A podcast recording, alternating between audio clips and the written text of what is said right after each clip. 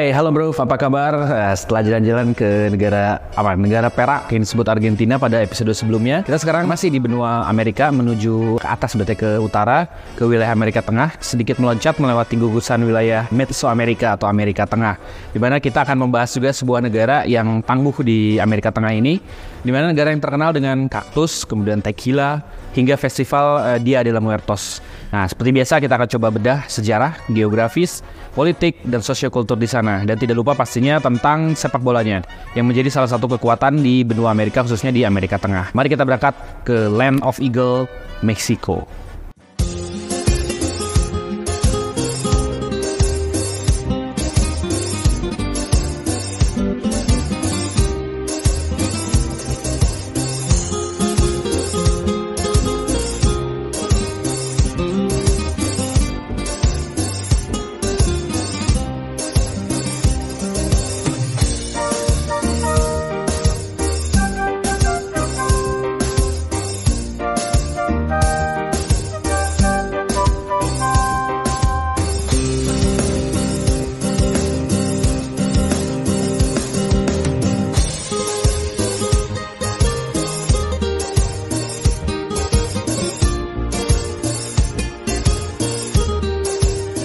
Langsung ke letak geografis dari negara Meksiko. Negara Meksiko ini terletak hampir di 3 per 4 bagian tengah wilayah Amerika Tengah, membentang dari wilayah timur sampai ke barat.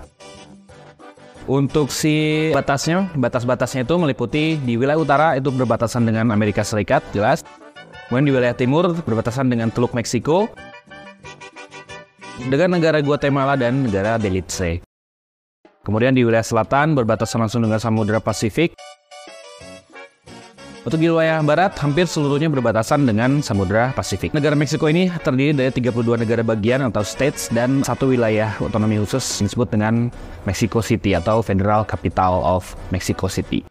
Untuk pengertian dari Meksikonya sendiri gitu ya. Nama Meksiko ini berasal dari bahasa Nahuatl yang digunakan oleh sebagai alat komunikasi oleh bangsa Aztec yang ada di wilayah Meksiko waktu zaman pra-Kolumbian dulu. Istilah Meksiko diyakini berasal dari kata Nahuatl yang pertama Metzli yang berarti bulan dan juga Sitli yang berasal atau yang berarti pusar atau pusat sehingga Meksiko dapat diartikan menjadi berada di pusat bulan atau tempat di mana pusat bulan itu berada gitu. Lanjut kita akan membahas timeline dari sejarah negara Meksiko itu sendiri.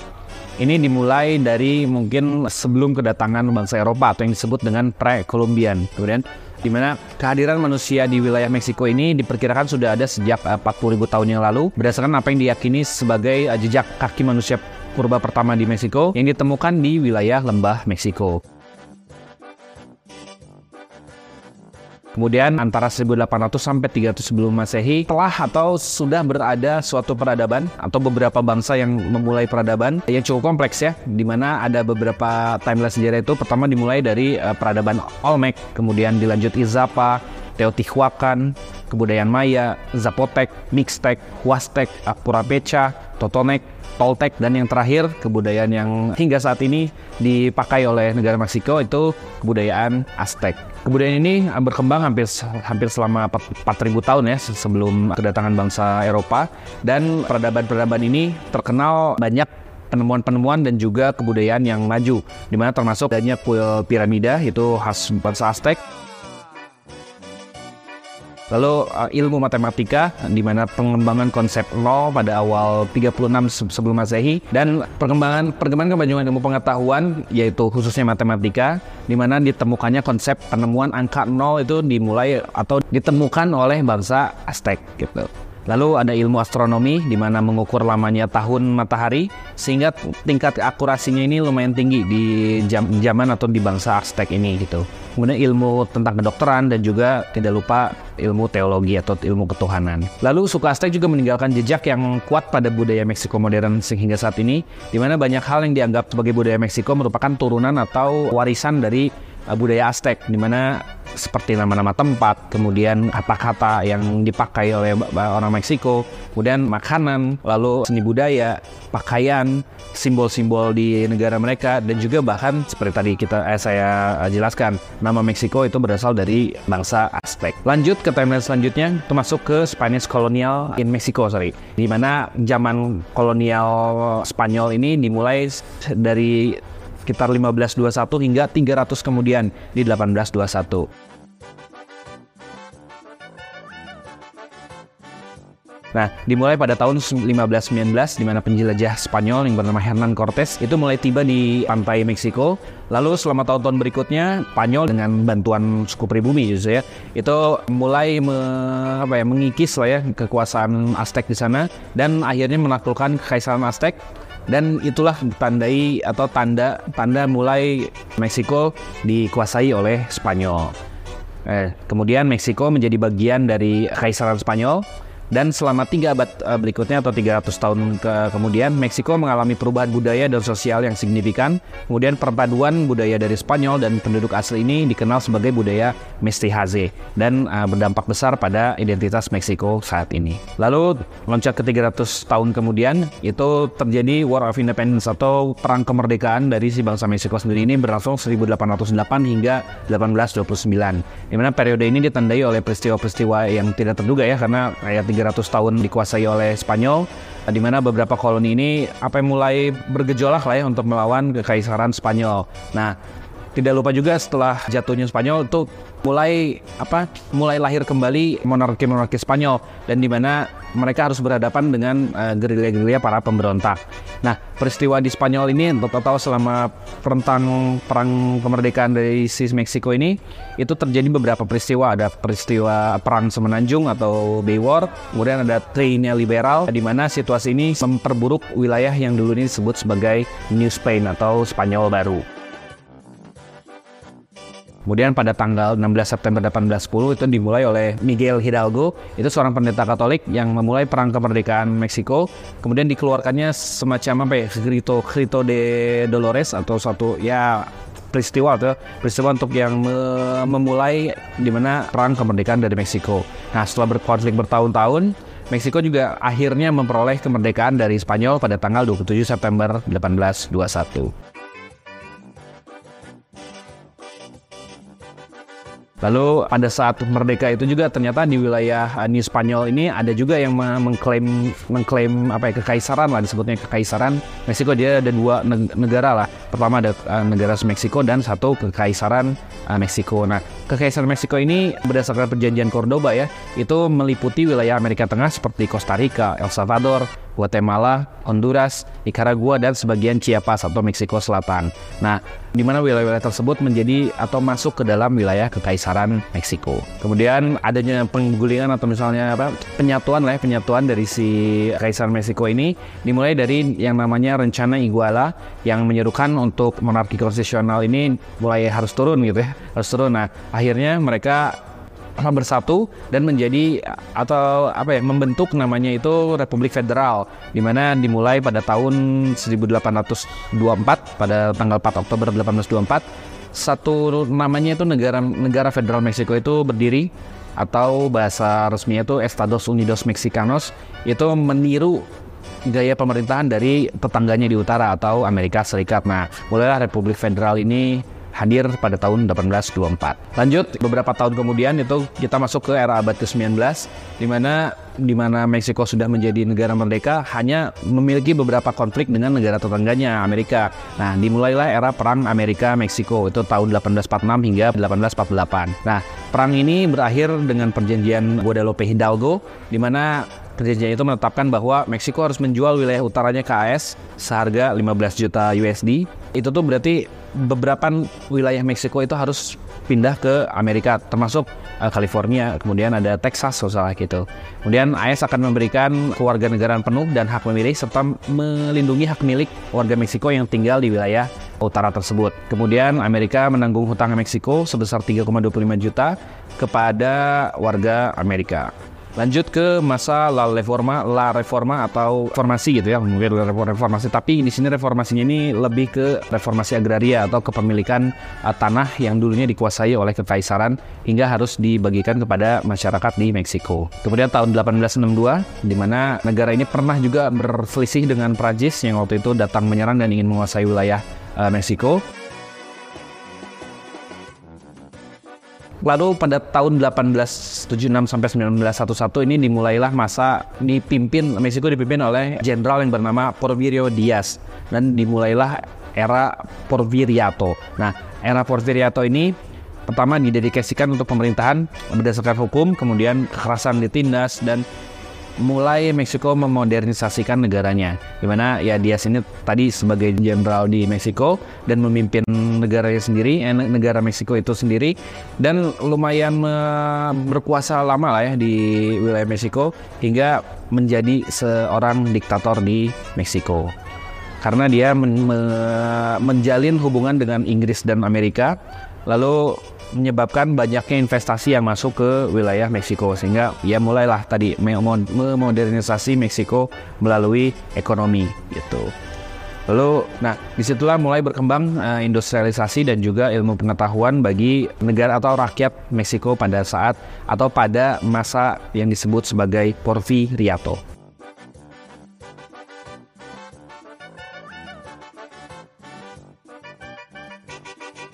Lalu pada akibat apa ya? Akibat tadi ya kediktatoran Diaz Porfirio ini meningkat, maka di tahun 1910 hingga 1920 ini terjadi revolusi Meksiko karena ketidaksukaan terhadap pemerintahan dari uh, Porfirio Diaz ini. Nah, di mana Porfirio Diaz ini selalu menekan pemogokan, kemudian pemberontakan dan oposisi politik hingga awal tahun 1900-an. Nah, di, mulailah masyarakat Meksiko mulai mengorganisir massa atau berorganisasi untuk menentang tadi Diaz dan pada tahun 1905 beberapa kelompok intelektual dan agitator politik di Meksiko mendirikan Partai Liberal Meksiko atau Partido Liberal di Meksiko kemudian menyusun reformasi radikal dan khususnya menangani apa yang mereka anggap sebagai aspek terburuk dari rezim-rezim Diaz. Meloncat lima tahun kemudian, pada tahun 1910, gerakan-gerakan revolusioner mulai muncul sebagai respon terhadap namanya Plan de San Luis Potosi yang digagas oleh Presiden Madero lah nantinya ya. Nah, kemudian Madero sendiri juga berjanji mengenai reformasi pertanahan. Nah, ini reformasi pertanahan di Meksiko ini memang cukup unik ya karena strata masyarakat di Meksiko ini banyaknya itu ke petani yang di mana tanahnya dimiliki oleh mantan-mantan kaisar atau misalnya mantan-mantan uh, nobility lah atau mantan-mantan bangsawan. Nah makanya perbagian atau reformasi agraria di sana sangat-sangat menjadi titik poin utama dalam negara Meksiko. Pada saat itu dia turunkan dan naiklah Madero menjadi pemimpin di mana dia juga menarik beberapa kekuatan pemimpin pemberontak itu salah satu kunci suksesnya dia menggulingkan pemerintahan Diaz di mana ada nama-nama rebel atau nama-nama apa pemberontak yang terkenal. Di situ ada Pascual Orozco, ada Bernardo Reyes, ada Juan Anchovia, Emiliano Zapata, Ricardo Flores Magon, dan terakhir Venustiano Carranza. Nah, di mana masa kepresiden Madero ini hanya beberapa tahun kemudian terpuruk dan ini ya cukup mengejutkan ya di mana Maduro membawa warna baru dalam pemerintahan Meksiko dan juga banyak konflik-konflik internal yang terjadi di era kepemimpinan Madero. Lalu setelah itu mulai era berganti-ganti presiden hingga muncullah konstitusi di tahun 1917. Nah, mulailah konstitusi 1917 ini mulai diundangkan, menguraikan beberapa reformasi pertanahan, kemudian membela hak buruh dan juga perubahan politik terjadi di Meksiko. Nah ini untuk catatan unik juga untuk si uh, tadi ada pemi, uh, ada pemimpin pemberontak yang bernama Emilia Emiliano Zapata. Nah Emiliano Zapata ini yang menggagas gerakan Zapata ini mana dia mendapatkan momentumnya pada saat tadi revolusi di Meksiko. Dia juga menjadi simbol perlawanan terhadap pemilik tanah dan penguasa yang menindas. Di mana Zapata atau pendukungnya tersebut Zapatista itu tidak hanya berperang melawan kekuatan federal, tetapi juga melawan faksi revolusioner lainnya yang di mana tidak membela hak-hak tanah atau hak-hak bangsa asli di Meksiko. Teriakan Zapata ini terkenal dengan Tierra y Libertad atau Tanah dan Kebebasan yang ya merangkum esensi dari gerakannya dari si Zapatista Army ini.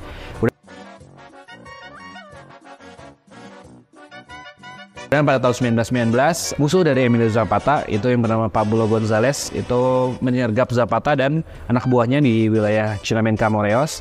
Itu akhirnya Emiliano Zapata harus dibunuh pada tahun 10 pada 10 April 1919 dan kematiannya menandai berakhirnya perjuangan dan penuh semangat untuk reformasi tanah yang ada di Meksiko. Nah, warisan Emiliano Zapata ini bertahan lama setelah kematiannya di mana komitmennya terhadap tadi keadilan sosial, reformasi agraria meninggalkan jejak yang tidak terhapuskan dalam sejarah Meksiko hingga dibawa lagi oleh satu gerakan di wilayah Chiapas atau di wilayah Meksiko Selatan yang disebut dengan IZLN atau Ejército Zapatista Nacional Liberación itu lalu balik lagi ke 1920-40 itu di umumnya dianggap sebagai salah satu periode konsolidasi revolusioner di mana para pemimpinnya berupaya mengembalikan Meksiko tadi yang ya gunjang-gunjing karena perubahan banyak perubahan politik dan presiden itu mulai di apa ya mulai direvitalisasi lah ya gitu.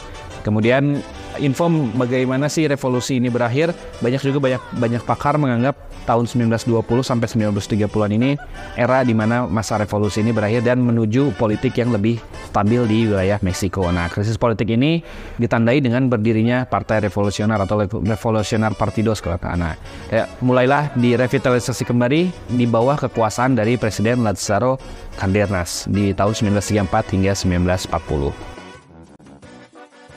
untuk si catatan untuk revolusi Meksiko ini menjadi satu catatan yang sangat buruk gitu ya untuk di masyarakat Meksiko. Karena orang-orang Meksiko yang selamat dari revolusi ini menginginkan selalu perdamaian abadi dan bersedia menerima kekurangan politik untuk menjaga perdamaian dan stabilitas hingga saat ini. Kemudian memori revolusi ini menjadi apa pembenaran lah ya atas kebijakan partai yang tadi revolusi partai revolusioner dan mengenai tadi nasionalisme ekonomi, kebijakan pendidikan, kebijakan perburuhan, indigenisme dan land reform. Indigenisme ini yang menyuarakan tentang uh, suara-suara dari bangsa asli atau indigenous people gitu. Lanjut ke era Meksiko modern di tahun 1940 hingga 1970 ini ada beberapa apa timeline waktu lah ya. Tapi saya coba ambil yang penting-pentingnya aja. Pertama itu di dikuasai atau di Meksiko di bawah kepemimpinan dari Presiden Manuel Abia Camacho. Nah itu terjadi beberapa keajaiban ekonomi Meksiko dan dia bisa survive menghadapi krisis ekonomi di tahun 1940-an setelah Perang Dunia Kedua. Lalu tidak lupa juga ada konflik dengan negara tetangga dengan Guatemala. Lalu krisis ekonomi pada tahun 7682 itu menerjang Meksiko dan beberapa wilayah Amerika Tengah. Lalu mulai dimulailah era pemilu 1988. Lalu era pasca era pasar bebas di mana Meksiko mengikuti beberapa organisasi internasional untuk meningkatkan ekonomi di negaranya. Lalu juga ada era era kepemimpinan presiden dimulai dari Vicente Fox Quesada itu tahun 2000-2006 dan yang unik ini pada ta, pada era kepemimpinan Felipe Calderon Hinojosa. Itu tahun 2006 sampai 2012 dimulailah drug war atau war on drugs atau apa ya perang terhadap narkoba. Karena kenapa? Karena Meksiko pada saat itu hingga saat ini gitu ya dikuasai oleh dunia kriminal atau kartel narkoba. Nah saya akan coba bahas beberapa atau sedikit siapa saja sih yang menguasai kartel narkoba di Meksiko ini. Itu yang pertama yang tertua dan terkenal. Yang pertama ada Sinaloa Kartel. Nah, ini kartel Sinaloa ini salah satu kartel narkoba ter tertua dan terkuat di mana perdagangan mereka ya narkoba, jelas pencucian uang dan kegiatan kriminal lainnya. Kartel ini dipimpin oleh tokoh-tokoh seperti Joaquin El Chapo Guzman dan di mana secara historis kelompok ini merupakan kekuatan yang paling dominan di antara beberapa kartel yang ada di Meksiko. Pengaruhnya ini ada di wilayah barat laut Meksiko, kemudian khususnya di negara bagian Sinaloa, Durango, Sonora, Chihuahua, dan Bahia, California. Lanjut ada kartel Jalisco New Generation atau generasi baru Jalisco.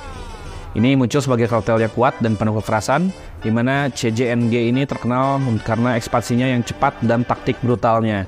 Nah, ini dipimpin oleh nama kaponya itu Nemesio Nemesio Segura Cervantes atau lebih dikenal sebagai El Mencho.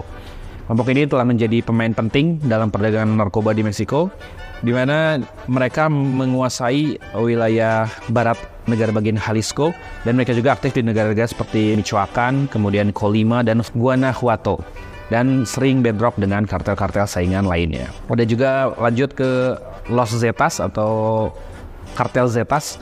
Ini dibentuk dulunya sebagai kekuatan paramiliter atau ex-ex militer dari dulu pernah belajar di Amerika kemudian datang ke Meksiko dan menjadi me- membuat atau me- mendirikan militer-militer dari sipil gitu, biasanya disebut paramiliter.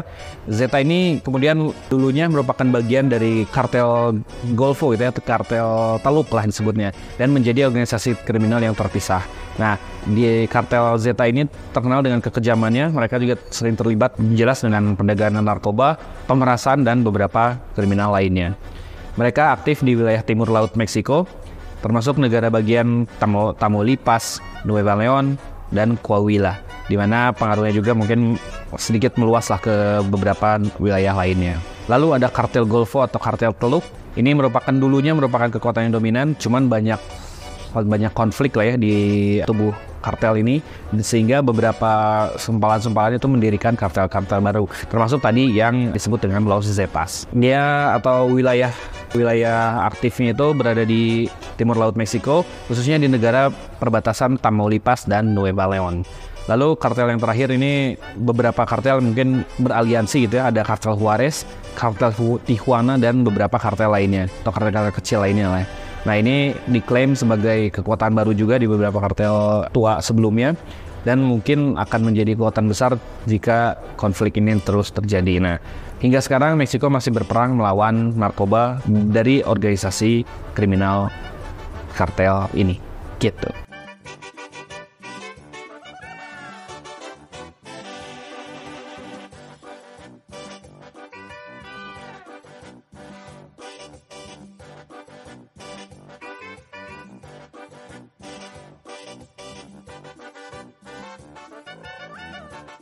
Dilanjut ke era kepemimpinan presiden di Enrique Pena Nieto.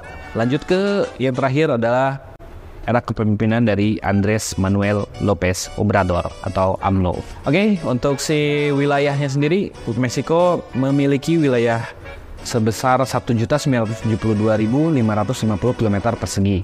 Lalu untuk sistem pemerintahnya sendiri itu apa ya disebutnya uh, Federal Presidensial Republik atau Republik Federal Presidensial di mana negara bagian yang dipimpin oleh seorang presiden.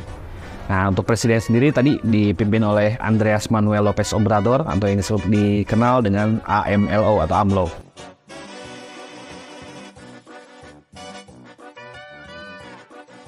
Saya juga akan menjelaskan beberapa negara bagian yang ada di Meksiko.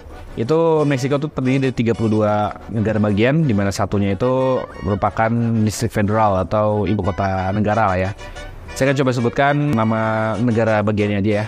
Pertama itu ada Mexico City sebagai federal district, ada Aguas Calientes, ada Baja California, ada Baja California Sur di selatan, ada Campeche, ada Chiapas, Chihuahua, Coahuila, ada Colima, Durango, Guanajuato, Guerrero, Hidalgo, Jalisco, Meksiko, Michoacán, kemudian ada Morelos, Nayarit, Nueva León, Oaxaca, Puebla, Querétaro, Quintana Roo, San Luis Potosí, Sinaloa, Sonora, Tabasco, Tamaulipas, Tlaxcala, Veracruz, Yucatan, dan terakhir Zacatecas gitu. Itulah 32 negara bagian yang berada di negara Meksiko. Lanjut ke komposisi penduduknya. Untuk si populasi atau jumlah penduduk yang ada di negara Meksiko itu ada di sekitar 129 juta 150 ribu 951 juta penduduk. Kemudian Meksiko sendiri merupakan negara berbahasa Spanyol terbesar di dunia, di mana ini menjadikan Meksiko sebagai negara terpadat ketiga di Amerika setelah Amerika Serikat dan Brazil tentunya. Kemudian eh, banyaknya orang-orang atau imigran-imigran yang datang sejak uh, Spanyol menjajah Meksiko pada abad 19-an. Lalu imigran juga imigran juga datang dari wilayah Timur Tengah, khususnya orang-orang Lebanon dan orang-orang Syria. Lalu dari wilayah Asia Timur itu didominasi oleh orang-orang Cina dan Korea. Lalu selain itu juga yang unik banyak imigran yang datang ke Meksiko itu adalah buangan politik atau pelarian politik gitu ya atau political asylum political asylum yang lari ke Meksiko. Khususnya itu orang-orang politik yang berasal dari Argentina, Chile, Kuba, Peru, dan Kolombia.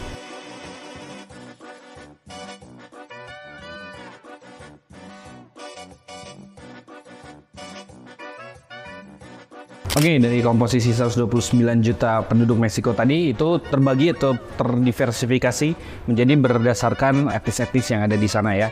Kita coba dari yang terbesar itu yang disebut sebagai etnis Meksikano. Nah, Meksikano ini mempunyai komposisi sekitar 85% atau hampir 100, 126 jutaan lah ya gitu. Nah tapi di sini pun terbagi-bagi lagi di mana Mexicano ini Mexicano ini terbagi atas beberapa pembagian lagi. Pertama ada Mestizo Meksiko. Ini merupakan campuran dari bangsa asli Meksiko dan juga dari orang Spanyol atau beberapa negara Eropa yang pernah ada di Meksiko.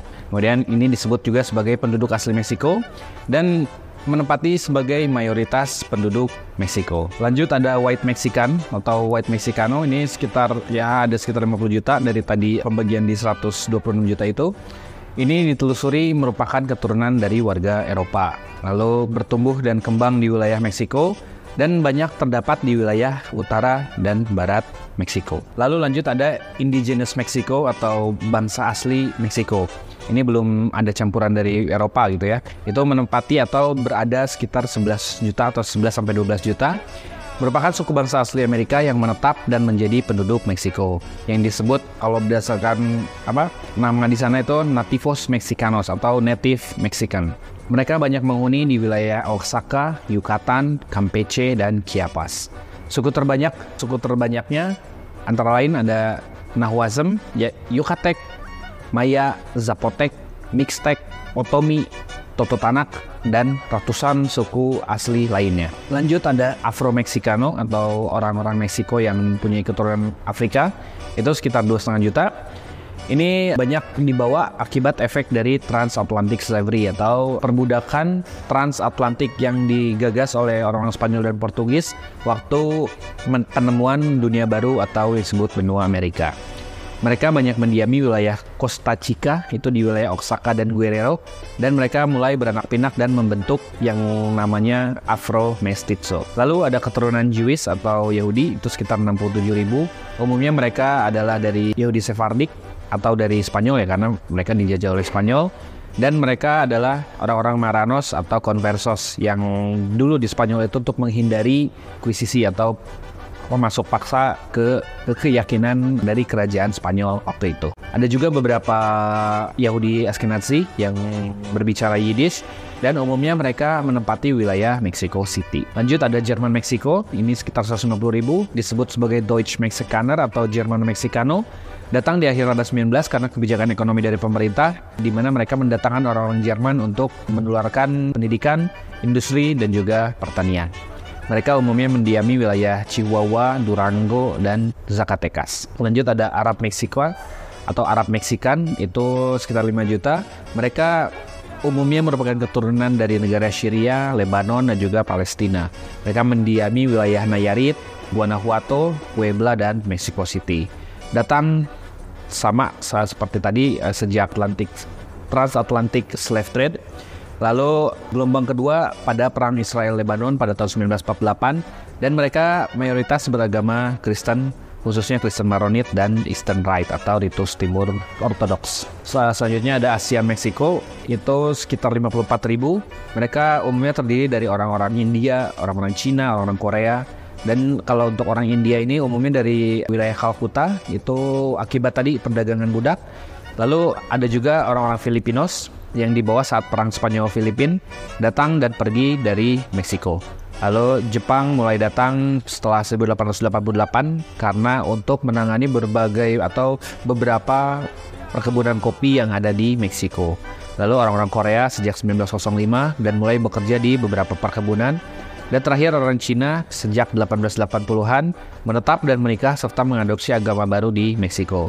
Mereka juga memegang beberapa peranan ekonomi di negara Meksiko.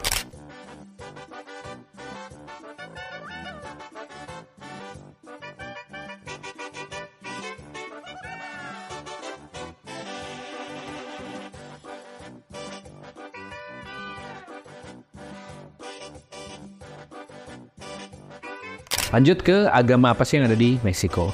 Negara Meksiko ini mayoritas beragama Katolik.